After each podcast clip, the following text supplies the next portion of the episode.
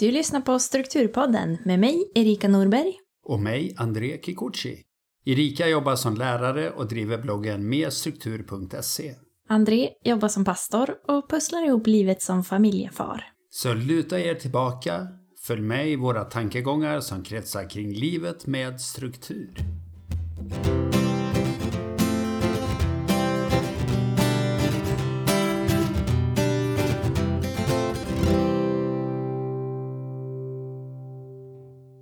I dagens avsnitt intervjuar vi Linda Vidar som är doktorand i arbetshälsovetenskap. Linda tillhör forskargruppen Att arbeta på distans i akademin, möjligheter och utmaningar för undervisande och forskande personal.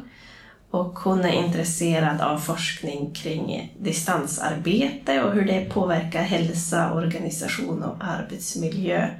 Och hon har bland annat studerat stress, återhämtning och fysisk aktivitet vid distansarbete. Välkommen hit Linda! Tack så mycket! Och eh, första frågan vi brukar ställa är, stämmer introduktionen som vi har googlat fram? Ja, det, det tycker jag att den gör. Det är jag själv som har skrivit den för att jag tror att den är från min forskarpresentation på Gävle högskolas hemsida. Men kan du berätta något mer om eh, vem du är, var du bor eller vad du gör? Ja, nej men jag arbetar ju då, precis som du sa, som doktorand på Högskolan i Gävle på avdelningen för arbetshälsovetenskap och psykologi. Och det har jag gjort sedan ja, fem och ett halvt år tillbaka eller något sånt där. Jag bor i Malmö och jobbar då i Gävle. Så jag är en etablerad och mycket erfaren distansarbetare men är eh, smålänning också så att jag är lite geografiskt splittrad på många sätt. Men ja, jag ska berätta mer om mig själv? Jag är i grunden folkhälsovetare. Det är där jag har min grundutbildning och eh, studerade där, därefter då en master i arbetshälsovetenskap och det var så jag kom in på det här forskningsområdet då. För den studerade jag på distans vid Högskolan i Gävle. Ja, och i övrigt, jag bor i Malmö då i Västra hamnen tillsammans med min man och mina två katter. Och eh, har innan jag började jobba på Högskolan i Gävle så har jag jobbat i ja, men folkhälsoprojekt och ja, mer arbetshälsovetenskapliga projekt men också har 12 års yrkeserfarenhet inom kundtjänstbranschen också bakom mig innan jag kom in i akademin. Ja, ungefär så kan man väl sammanfatta mig. Vad gjorde att du kom in på just distansarbete? Har du liksom längtat efter det eller var det en slump eller hur såg den vägen ut? Det var en, en ren slump. När jag sökte den här tjänsten då så, så var det liksom en öppen ansökan. Det stod att det här ämnet, du söker till arbetshälsovetenskap men projektet är inte definierat ännu. Och när jag fick anställningen så fick jag två projekt att välja mellan, båda inom distansarbete, men det ena var mer nischat mot akademin och ett lite mindre projekt. Och det stod liksom självständigt och det lockade mig så då hoppade jag på det projektet. Men just där och då hade jag noll och ingen erfarenhet själv av att arbeta på distans och i princip ingen direkt kunskap om det heller. För jag hade ju som sagt jobbat 12 år nästan inom kundtjänstrelaterade yrken som var starkt styrda med väldigt lite flexibilitet. Så för mig blev det ett, eh, ja, en, en ny bekantskap helt enkelt, men eh, en väldigt spännande sådan. Och när hände det här i förhållande till eh, pandemin då distansarbete exploderade? Ja, jag började ju då 2017. Eh, ja, men I mars någon gång blev jag anställd men officiellt då påbörjades projektet i september det året. Så det var ju några år före pandemin och då var det väldigt lugnt och, och trevligt att bedriva den här forskningen och sen så blev det ju lite lätt kaosartat här då för ja, nästan två år sedan då när pandemin drog igång och intresset och fokuset på det här området, både in, i praktiken men också inom forskarvärlden blev ju, ja den exploderade. Det var inte så många som höll på med den här typen av forskning innan pandemin, eller åtminstone så var det inte så många som, ja de fick inte så mycket uppmärksamhet kan man väl säga. Men det har ju som ni vet förändrats då ganska rejält nu. Hur, hur ser det ut bland företag? Det kanske är för tidigt att säga, men tycker man att man har lärt sig någonting av det här möjligheten till distansarbete? Eller går man tillbaka nu till hur det var förr? Eller? Jag skulle säga att det är ganska 50-50. Det är svårt, alltså, jag skulle inte säga att det har kommit ut någon bra prognos än som har sammanfattat liksom vad arbetslivet och sådär. Men, men när jag har samtalat med och det jag ser och det jag hör och läser i andra forskningsstudier och i Europakommissionens rapporter, Vi har väldigt många spännande ja, rapporter över arbetslivets utveckling i Europa, då ser man att det är ungefär ja, 50-50. Det är kanske hälften har en ambition om att gå tillbaka till hur det var tidigare och hälften har en annan ambition, att kanske låta det vara flexibelt och ungefär som det var under pandemin. Och andra vill dra det ännu längre och kanske förändra hela den fysiska kontorsmiljön och anpassa det efter den ökade flexibiliteten och sådär. Så att det är spretigt och jag tror att det där styrs ganska mycket av vilka erfarenheter man hade under pandemin. Men också vissa företag och organisationer har eh, använt eller utnyttjat pandemins ökade digitalisering ja, just och tagit vara på den. För man kanske har velat öka digitaliseringen i sin verksamhet innan pandemin. Men under pandemin så kom det där igång ordentligt av sig själv då. Och nu så tar man vara på det eh, in i framtiden. Så att för vissa kanske det var en naturlig utveckling, bara att den kom lite snabbare och komprimerat än det var tänkt. Då. Är den utvecklingen, finns det utmaningar med att det går så fort? Det gör det helt klart. Framförallt så, så är, har vi ju den här problematiken eller vad vi ska kalla det för, men just det här med arbetsmiljölagens utformning och sådär, att den är ju väldigt, den är väldigt öppen och det står att arbetsgivaren har ansvar för eh, medarbetarnas arbetsmiljö oavsett var de befinner sig. Men det lämnar ju utrymme för mycket tolkning och det såg man inte minst under pandemin att det var väldigt stor variation i hur arbetsgivare ja, men hjälpte sina medarbetare i arbetsmiljön när de arbetade hemifrån. Då. Och, ja, men Sverige är ett av de länder i Europa då som inte planerar att göra några förändringar av arbetslagen vad gäller det här med flexibla arbetslösningar. Man har gjort en rapport över hur, hur olika länder kommer att hantera lagstiftningen efter pandemin och så där vad gäller flexibla arbeten.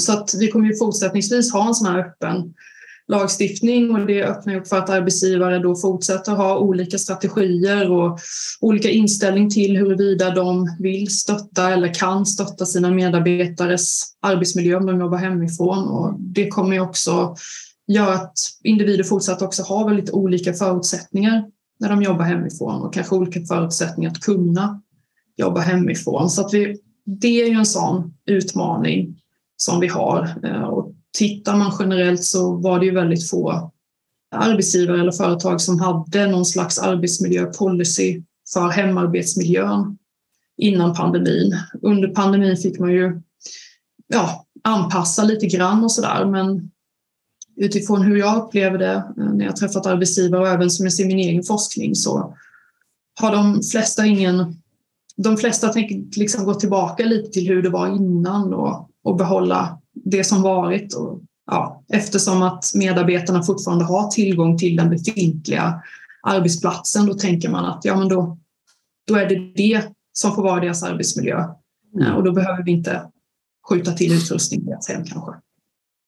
Så det, det, är en sån utmaning. Sen så kommer det ju komma andra utmaningar till exempel, eh, som jag sa tidigare, att det finns ju många verksamheter som eh, funderar på att förändra sin Eh, fysiska arbetsmiljö på eh, ja, men den ordinarie arbetsplatsen.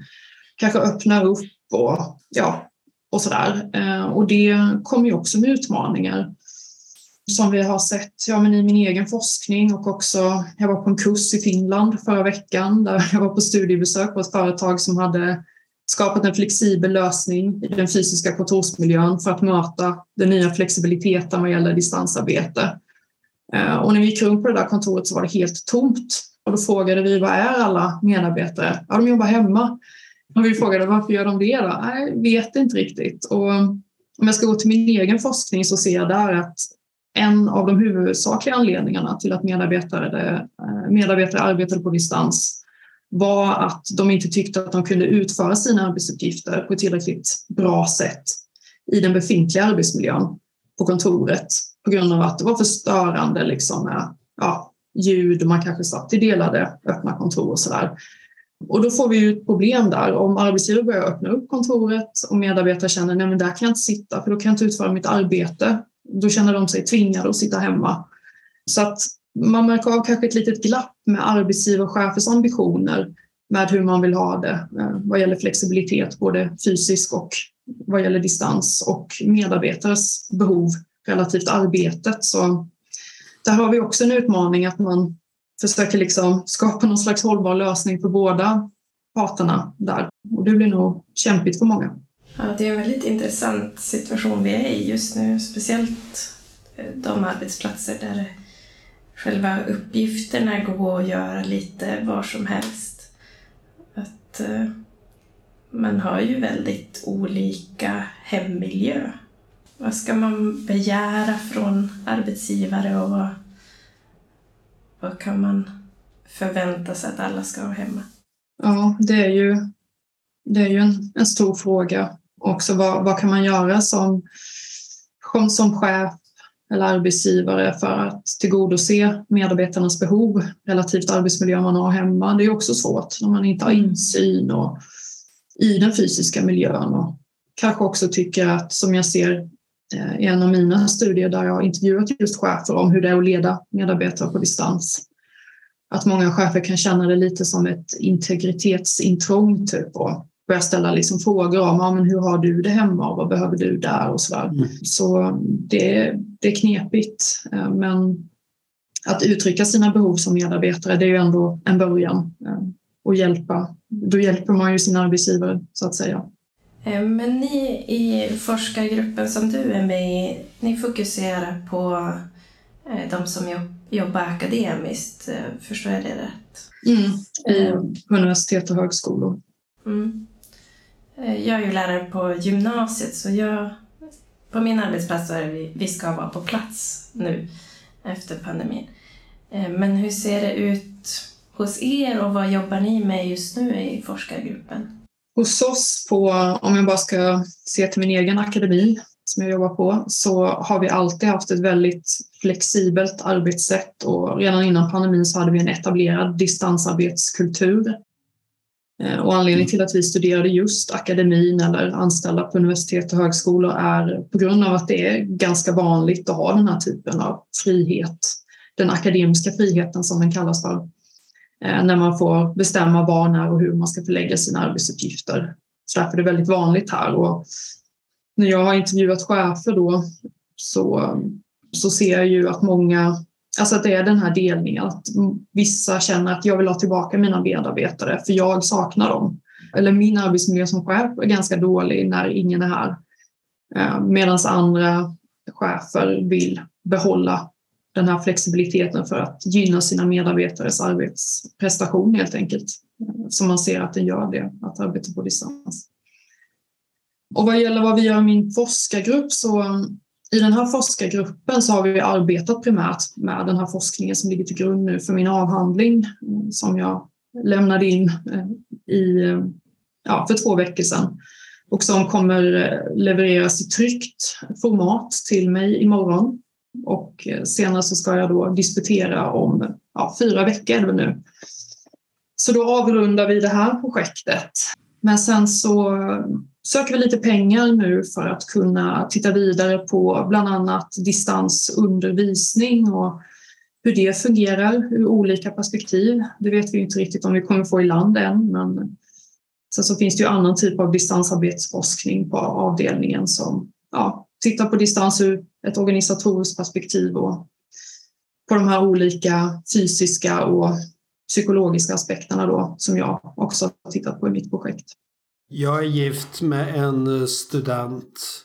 Hon har studerat av och till i 11 år eh, och jobbat och fött barn och så som livet ser ut. Och det underlättar ju väldigt mycket att vara student under pandemin för då kunde man sitta hemma, man slapp resor och nu så just den eh, högskolan hon är på i Stockholm har varit ganska tydliga med att man nu, nu läser man på plats och ganska stor, eh, vad ska man säga, mm, ja, man hoppar tillbaka igen. Och som många studenter upplever, går det inte att hitta hybridlösningar som gynnar både studenten och arbetsplatsen.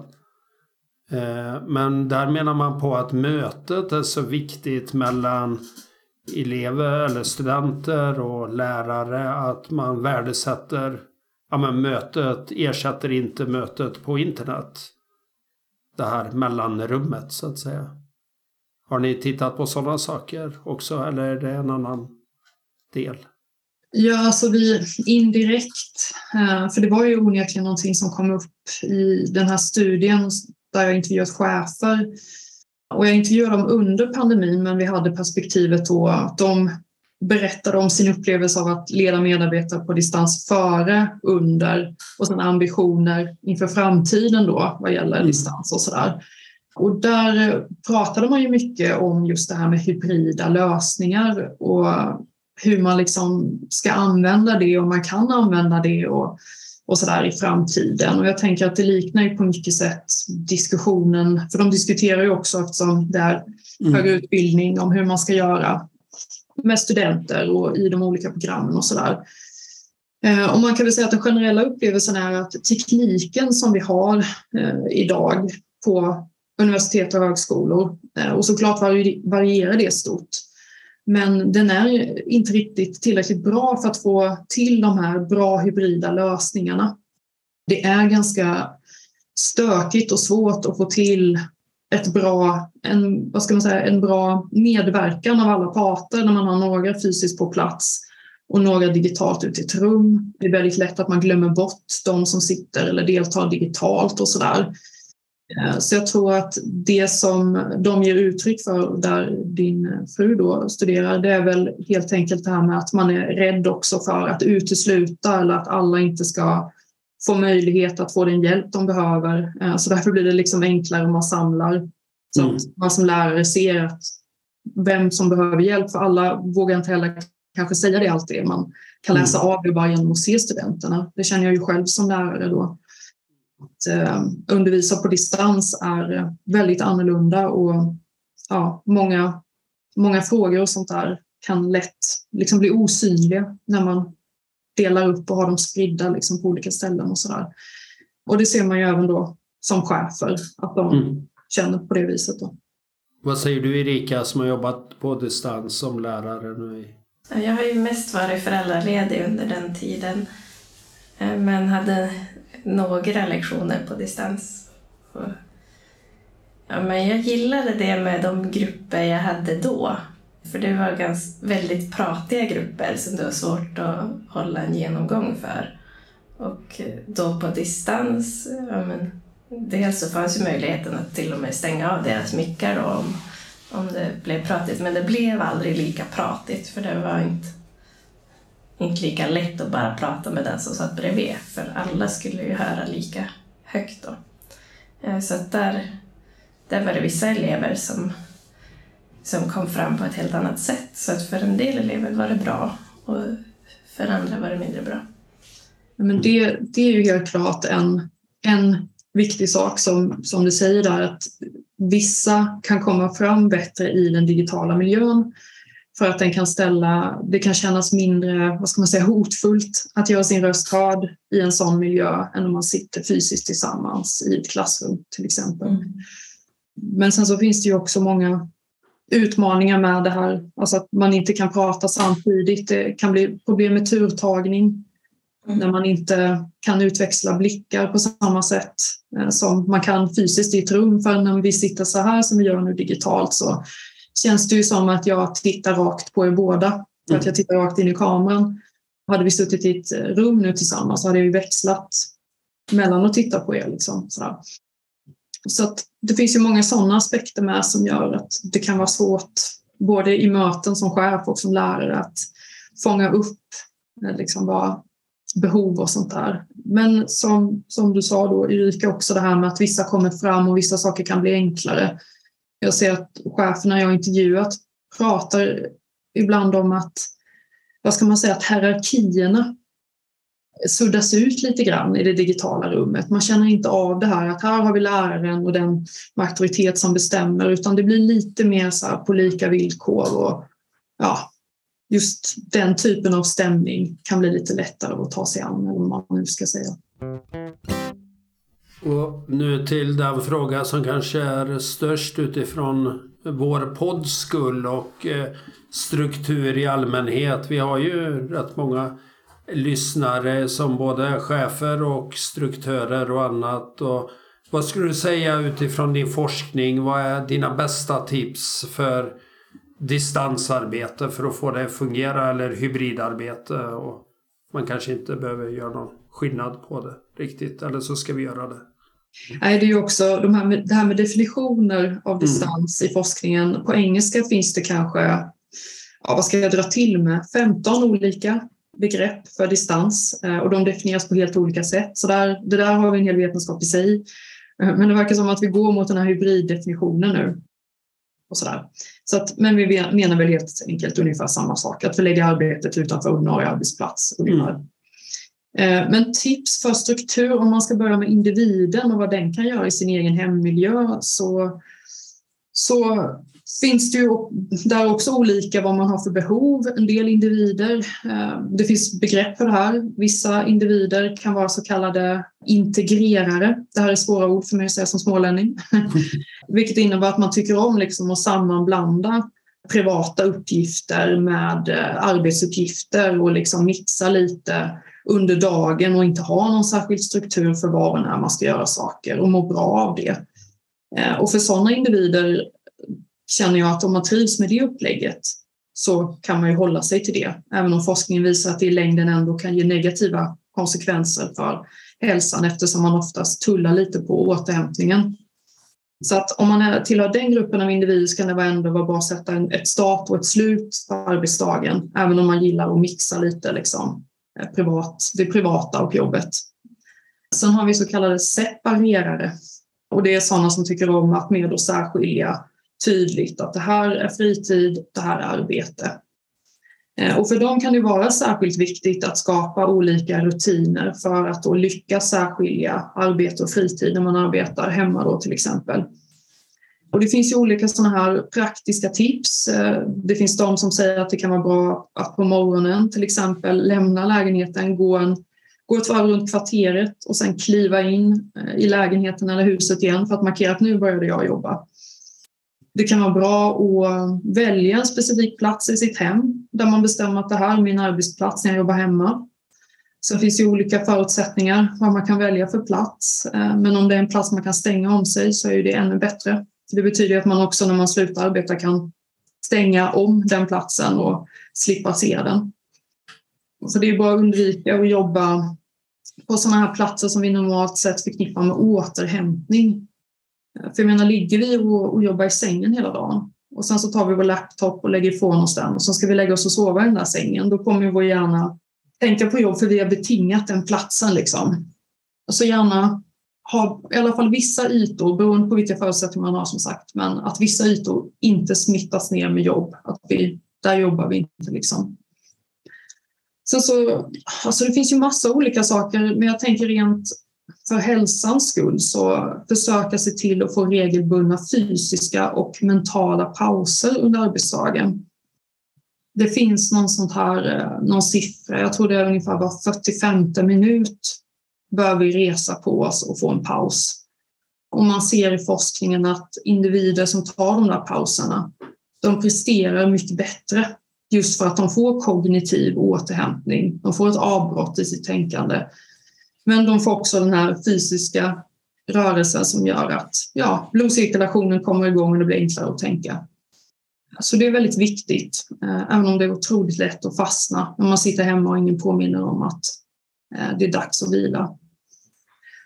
Och om man tänker liksom utifrån vad man kan avtala med sina kollegor och så där för att liksom hjälpas åt på något vis att, ja, inte, att få liksom en hälsosam arbetsdag eller vad man ska säga.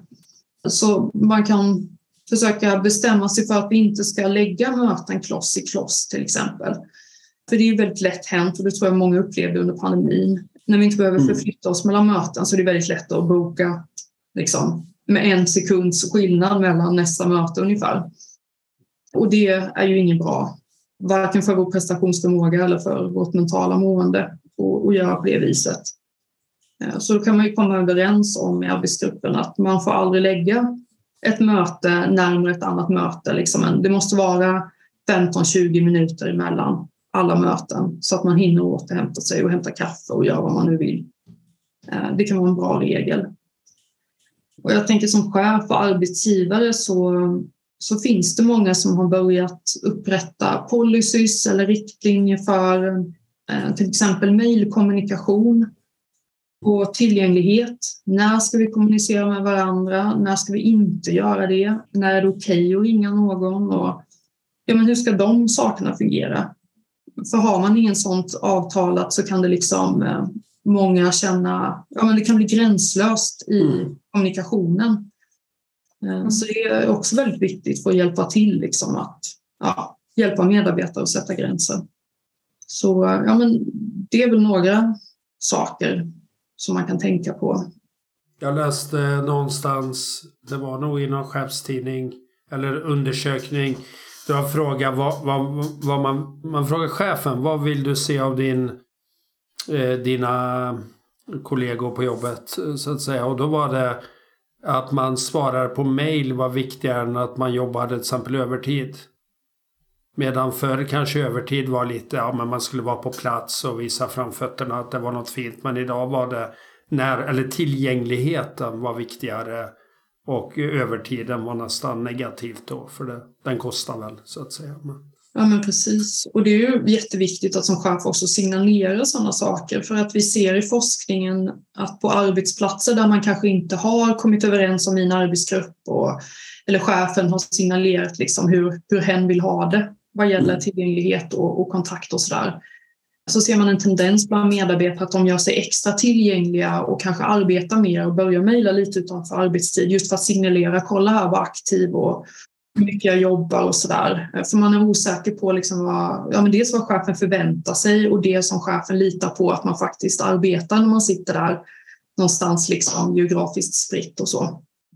Så att det är väldigt viktigt att som chef dels föregå med gott exempel och inte mejla utanför ordinarie arbetstider, men också säga att det är de här, mellan de här tiderna jag förväntar mig tillgänglighet. Liksom. Och har ni inte möjlighet att vara tillgängliga under vissa tider så kan man signalera det genom sin kalender och sådär om man har en delad. Men, men då begränsar man som jag var inne på tidigare. Man sätter en gräns för här, här behöver du vara tillgänglig men i övrigt så ska du liksom vara fri. Mm. Jag hörde om någon som hade tids, eh, tidsinställning på alla mejl. Så alla mejl, han kunde skriva ett mejl halv tre på natten. Men för att inte det skulle störa den som fick mejlet så gick det alltid iväg en viss tid på morgonen. Så det såg ut som att han skrev 20 mejl klockan åtta på morgonen.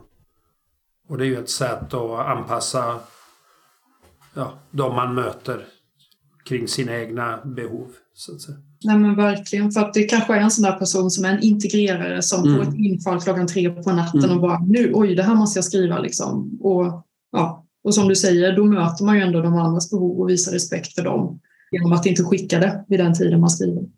På min mans jobb tror jag många integrerare, även min man, som kan tycka att det är lite roligt. Eller ja, men nu fick jag en idé, jag, jag jobbar lite på det just nu. Och så är det ganska många mejl kvällstid. Och chefen där har varit tydlig med att nej, nej, du behöver inte skicka mejl nu.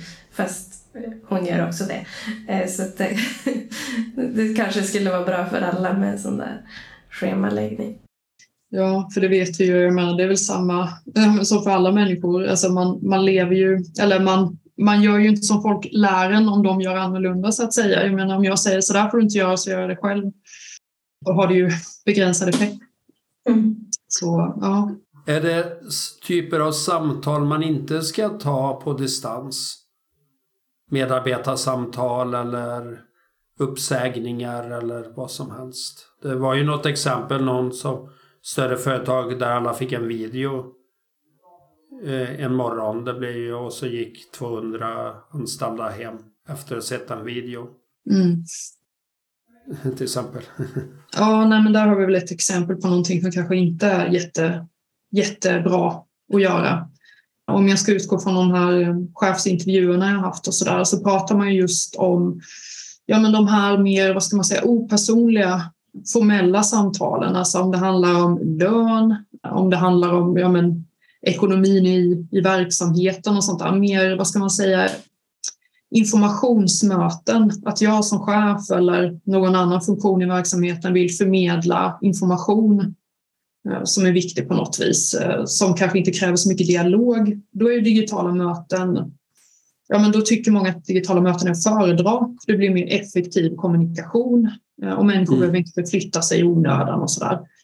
Men däremot de här personliga samtalen som ja, men till exempel kanske berör uppsägning eller vad det nu kan vara. Där understryker ju ja, generellt om man tittar i forskningen men också det som jag själv sett i min egen forskning. Då understryker chefer att då, då måste man möta sina medarbetare för att ja, men de ska behålla respekten för en som chef och för att man ska visa omtanke och hänsyn om sina medarbetare så bör man ja, ta den typen av känsliga samtal öga mot öga. Så att säga. Men, eh, men sen så är det klart, det beror på lite vad man har för relation också. Det är ju, vissa kan ju tycka att det är skönt att, att sitta så här i en digital miljö och kan uppleva att det är enklare att vara öppen och sådär när man inte har en människa tätt på sig. Så där får man väl också känna efter lite liksom vad, vad individer har för behov för att de ser väldigt olika ut och det kan också vara viktigt att påminna sig om eh, som chef och arbetsgivare att alla individer är olika och kanske Eh, ja, men undvika vad ska man säga, socialnormativa floskler som att män, eh, typ, människan är ett socialt djur. Ja, det, det, kan de vara, men det finns också individer som behöver liksom avskildhet som eh, tycker det är väldigt påfrestande med för mycket social interaktion, som har särskilda behov och sådär. Så att vi behöver liksom vara öppna för att ja, men arbetsgruppen är heterogen snarare än homogen liksom, vad gäller behov. Det är väldigt viktigt att ta med sig tycker jag. Ja, i mitt jobb, jag jobbar ju mycket med själavård och enskilda samtal och så här går ju att ha, det hade jag under pandemin. Men om jag inte har en vid, nu ser vi varandra, vi sitter ju på tre olika ställen i Sverige och ser varandra. Jag kan se ögongester, man kan se en gäspning, man kan se händer och sådär. Men om man inte gör det så blir ju samtalet något helt annat. Och själavård på telefon är helt värdelöst ur, ur min aspekt. För jag vet inte vad jag har personen. Jag vet inte om den... Det är jättesvårt att vara tyst i en telefon till exempel. Men sitter vi i samma rum kan vi vara tysta Ja, man kan ju vara tyst i tio minuter och samtalet kräver det, men det går inte i telefon. Så det gör någonting med närvaron, att se varandra. Ja, absolut. Det är ju det är en viktig, väldigt viktig aspekt och som vi ser i forskningen också det här med, vad ska man säga, kanske framförallt skriven kommunikation, för då plockar man ju bort alla olika möjligheter till, jag menar även om du inte ser så har du ändå rösten där då, då kan mm. du höra lite grann. Men sen tar du mm. bort den också och bara skriver. Då, blir det ju, då öppnar det upp för väldigt mycket tolkning. Eh, och det har man sett lite i forskningen också i mina egna studier att eh, ja, men chefer framförallt uppmärksammat att under pandemin så blev stämningen i arbetsgruppen lite mer hostil för att många missförstod och tyckte att det var aggressiva mejl. För en del skrev väldigt kort och det tyckte inte andra om. Eller mm. de tolkade det som någonting ja, men som aggressivt då medan andra ja, tolkade det på ett annat sätt. Så att då gav det upphov till, till den typen av kommunikationsproblem. Så att det är ju så kan det ju också bli genom, ja, alltså när vi plockar mm. bort olika uttryck så blir det ju en utmaning mer och mer, helt klart. Sen tycker jag jag har ju mycket möten med folk och det är ofta vi säger att ja, det måste stanna här i rummet. Och låser man dörren, eller låser, man stänga dörren så vet man någonstans att det stannar här. Och det, det upplever jag är mycket svårare i när vi sitter så här finns det Ja nu inte ens vi som sitter där har alla hörlurar. Vi vet inte vad vad går det? Nu är det en podd så det, det ska ju gå ut. Men eh, ibland ska det inte gå ut och kan man vara trygg i att det inte överhörs samtalen? Det är ju en ny stor utmaning skulle jag vilja säga och jag tror inte jag tror att det blir på något vis nästa steg. Alltså ju mer vi går mot hybrida lösningar i arbetslivet, desto mer kommer vi också behöva reflektera kring det här med personlig integritet och, och IT-säkerhet eller vad vi ska säga. Och där har vi ju en del i finns det obehöriga som kan observera eller ta in det här samtalet och det är ju svårt att kontrollera om man sitter spritt så här och hur man ska göra det, det, ja, det blir på något vis också en del i arbetsmiljöarbetet tänker jag i den aspekten. Men ja, det, det är onekligen en intressant sak som man behöver tänka på. Det var väl vissa myndigheter som förbjöd olika plattformar att de inte anses vara tillräckligt säkra. Så var det ju. Eh, sen så finns det olika funktioner eh, på de här som nu när du spelade in här så kom det upp, poppade upp i min ruta, godkänner du den här inspelningen? Så att lite sådana saker förbättras ju men, men jag menar det skulle ju kunna sitta tre pass här runt omkring mig som ni inte ser utanför bild som tjuvlyssnar. Så jag menar sådana saker är ju otroligt utmanande att liksom kunna kontrollera eller undersöka och sådär. Så att det, ja, det, är spänn- det, är en intressant, det var en väldigt intressant fråga. Att reflektera så mycket över den faktiskt. Du får ny forskning. Du måste ha något att göra om en månad också. Sen brukar vi ha ett återkommande inslag i, i vår podcast som vi kallar för Bra, bättre, bäst. Och det kan vara om du har något personligt mål eller något eh, mer allmänt. Men där bra är nuläget. Kanske något som ja, men det är okej okay, men jag skulle vilja förbättra det. Bättre är första steget eller delmål och bäst är drömläget. Har du någonting sånt? Ja, alltså det som är bra just nu för min del är att jag har skrivit klart min avhandling och det är ju en otrolig lättnad. Det var en, en enormt stor påpressning som framförallt har utmanat min balans mellan arbete och privatliv kan jag säga. Mm. väldigt gränslöst arbetssätt. Så att det är någonting som känns väldigt bra, eh, även om jag är trött och sådär. Ja, bättre, alltså det...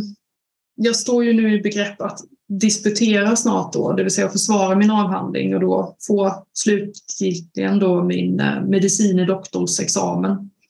Det ser jag fram emot väldigt mycket.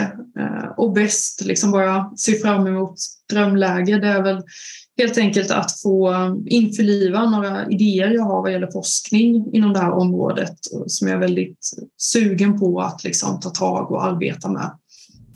Och på ett personligt plan där så är också en, en stor målbild att köpa en sommarstuga i, i Småland så småningom. Så, så det är väl ungefär de sakerna. Är det någon av de här idéerna som du kan dela med dig av? vad är det du drömmer om? Ja, det är bara lösa idéer som jag nu ska försöka få ner på pränt då för att kunna söka pengar. Men, nej, men det är lite det här jag pratar om, att börja titta på mer hur angriper företag och arbetsgivare det här med arbetsmiljöarbete, policyarbete, hur förhåller man sig till ja, men möjligheten att distansarbeta? Reglerar man den? Tar man hänsyn till tillgänglighet i det här arbetet? Jag upplever att många glömmer bort vissa grupper av individer med särskilda behov och sådär. När man förändrar de fysiska arbetsmiljöerna och när man öppnar upp för distans. Eh, man tittar mer på vad ska man säga, de generella behoven som majoriteten uttrycker och sådär. Eh, så sådana aspekter, liksom, det här med arbetsmiljö och vad inkluderar man i den och vilka inkluderar man? Det är väl sånt som jag skulle vilja fördjupa mig i framöver. Då. Jag kom på en fråga kring arbetstid. Har eh, erfarenheter av hybrider, blir man effektivare? Du var ju lite inne på det här att man kan lägga möten direkt efter varandra och det är inte så bra. Men gör det att arbetstiden generellt blir kortare? Nej, tvärtom faktiskt. Eh, om man nu ska generalisera. Men man ser väldigt många studier som visar på ökad effektivitet vid distans eller hybridarbetare. Där ser man också väldigt ofta att eh, medarbetare ja, expanderar sin arbetstid, alltså arbetar fler timmar. Då blir man onekligen mer, man får mer gjort. Sen om man blir mer effektiv vet jag inte, men, eh, men sådana tendenser ser man väldigt ofta. För att arbetet är tillgängligt, det är lätt att arbeta mer än man ska. Men sen som sagt, det, det beror mycket på också vad man har för motiv. Om det är så att man inte känner att man kan utföra sina arbetsuppgifter på ett bra sätt på ordinarie arbetsplats. Då blir man ju onekligen mer effektiv om man har bättre förutsättningar för detta hemma. Medan om man har, bor i en trea och har två barn liksom, och under pandemin och de var hemma och så där, eh, och studerade, då jobbade man förmodligen inte så effektivt hemma. Så att förutsättningar återigen. Men expandering av arbetstid, det är ju någonting som är väldigt vanligt, ser vi i alla fall. Och det vanligaste samtalet är väl, nu, har det, nu är det ju valår, så det är många som lovar mycket, men just att man går mot en minskad arbetstid i den offentliga debatten. Om det är 35 timmar istället för 40 eller 38 eller och då, då är det ju en utmaning när man har flexibla arbetsformer. För man ser ju att många använder just möjligheten att arbeta flexibelt och, och sådär till att expandera sin arbetstid för att kunna hantera en, en hög arbetsbelastning. Så då måste man ju som arbetsgivare se till att det finns resurser för medarbetarna att hantera sin arbetsbelastning under ordinarie arbetstid så att de inte behöver då kompensera med att ja, expandera arbetstiden. Så det finns mycket att tänka på där. Mm. Ja, en del pratar ju om att utgå ifrån uppdrag istället. Du, du ska göra det här uppdraget inom den här tidsperioden. Men eh, det blir också väldigt svårt att vem ska avgöra hur lång tid det tar, hur mycket, hur många timmar jag får lägga på det här. Ja, men precis. Mm. Ja, det är, det är mycket svårt. Det vet jag inte minst som doktorand. Mm. Som hade fem år och ändå i slutet satt man med andan i halsen. Ja. ja. Nej, men det är en jättestor utmaning. Andan i halsen, det har jag i allt. När jag, alltså jag, jag är en sån där deadline-människa och jag har det i jobb och sådär. Och jag sa det till en kollega förra veckan. Du mejlade mig för två veckor sedan men då var jag inte där. Men idag ska jag vara klar så nu måste vi jobba. Och då fick han ju anpassa sig till mig och sen tyckte han ja, men det, det gick ju snabbt det här. Men egentligen var det ju ganska slarvigt. Men man, man kommer på sig själv många gånger. Det smyger sig på. Eller anfaller en ibland. Ja. och man vet om det ändå. Det är det som är så märkligt. Ja.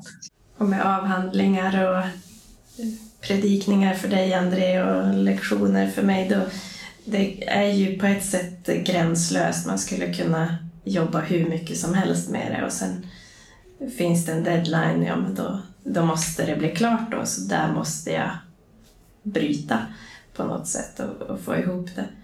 Jag tänker också för alla, alla vi, alla oss, eh, att det är svårt att koppla bort tankarna på arbetet. Mm. Det är någonting mm. man bär med sig hela tiden och det är också en utmaning i det flexibla arbetslivet, det här med att kunna koppla bort tankarna på arbetet mm. mentalt.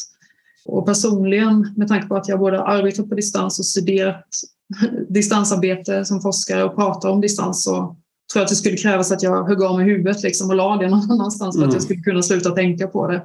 Eh, och jag tänker att det är väl ungefär så för, för alla oss. Det är någonting man bär med sig och mm. reflekterar mm. kring liksom, på olika sätt. Ja, och samtidigt, eh, man bär det med sig och samtidigt blir man ju väldigt flexibel att kunna men jag tänker, får jag, kommer det ett besök till staden där jag bor i, då har jag tid för dem. Om jag planerar någorlunda efter det. Jag vet om det och så. Och det känns jättelyxigt. Men problemet är ju om jag inte har planerat, då har jag varken tid för dem eller för jobbet. Och så står man i det här mellanrummet och blir frustrerad. Och och det går ju ofta ut över ens barn, stackarna. Liksom. Skäller på dem för något de inte har gjort. Bara för att man själv är stressad. Så att, ja, det finns mycket att fundera på. Ja, det finns alltid mycket att lära sig hur, hur man själv fungerar och hur man ska få in den där återhämtningen för att det ska fungera även om tankarna inte alltid går att stänga av precis som man vill. Men hur gör du när du återhämtar dig? Det blir lite personlig fråga, men uh, vad, vad är din oas? Jag återhämtar mig inte, höll jag på att säga. Nej, nu. Nej men eh, jag, jag rör ju på mig väldigt mycket och springer och tränar och sådär. Yogar. Jag försöker mm. liksom vårda mig själv på det viset på olika sätt. Men också ute väldigt, väldigt mycket i naturen. Jag vandrar mycket. Vi har ju många mil Skåneled i Skåne som jag har avverkat under de här åren. Så ja, natur och fysisk aktivitet är mina käpphästar. Liksom. Och en sommarstuga i Småland. Ja, det är ju det, är, det, är ju det som är drömmen. Mm. Helt klart. Ja. Och så undrar vi om du har någon veckans prova på som lyssnarna kan testa närmsta tiden? Ja, men en bra idé när man arbetar hemifrån, det skulle jag vilja säga att i början på veckan skapa en tydlig struktur för vad har jag för uppgifter den här veckan? När har jag möten och när finns det utrymme för mig att återhämta mig under arbetsdagarna? Om man från början liksom, ja, men ringar in de här möjligheterna till återhämtning liksom, i förväg under arbetsveckan och så där så ser jag i alla fall att det är större chans att man faktiskt Ta vara på återhämtningen. Så det tycker jag är väldigt viktigt att schemalägga sin återhämtning för att se till att den blir av för att på så vis också spara sin hälsa. Och då tänker jag både återhämtning mental då, att man gör någonting annat en stund för att sedan återvända till sina arbetsuppgifter. Eller också den fysiska återhämtningen, att man går upp och rör på sig, byter ställning så att man inte får ont i kroppen och sådana där saker. Det tycker jag att man kan ge sig i kast med. Det passar mycket bra ihop med vårt senaste avsnitt om att planera sin vecka. Men om eh, folk nu har blivit nyfikna på din forskning eller det här ämnet, eh, har du några tips på vad man kan läsa eller lyssna mer eller vad man hittar mer information om dig? Ja, dels på eh, Gävle högskolas hemsida där finns presentation av mig och även länkar till de forskningsstudier som jag genomfört. Och från och med på, vad blir det, den 6 eh, oktober så finns också min avhandling tillgänglig i digitalt format. Så om man mm. söker på mig på nätet så lär den poppa upp. Och då kan man läsa dels en introduktion i hela det här området om distans och relationen till hälsa, både fysisk och mental och också titta specifikt på de här olika studierna som jag genomfört i ämnet. Jättebra. Så får vi väl, det säger vi till alla gäster, men vi återkommer om något år och ser hur det, hur det har gått med allt. om du ringer upp från stugan i Småland då? Ja, precis. Vi hoppas det. Det är målet nu. Precis. Och vi ska säga för dig som lyssnar att vi spelar in detta i slutet av september. Så vet ni det också, om det är lite rörigt. Ja, men då får vi väl eh, tacka alla som har lyssnat och eh, Erik Andersson som klipper ihop det här. Och framförallt då dig Linda som eh, har tagit tid ur din hektiska vardag för att prata med oss. Och stort lycka till på disputeringen. Tack snälla och tack för väldigt spännande samtal. Tack! Ha det bra allihopa! Hej då! Hej då!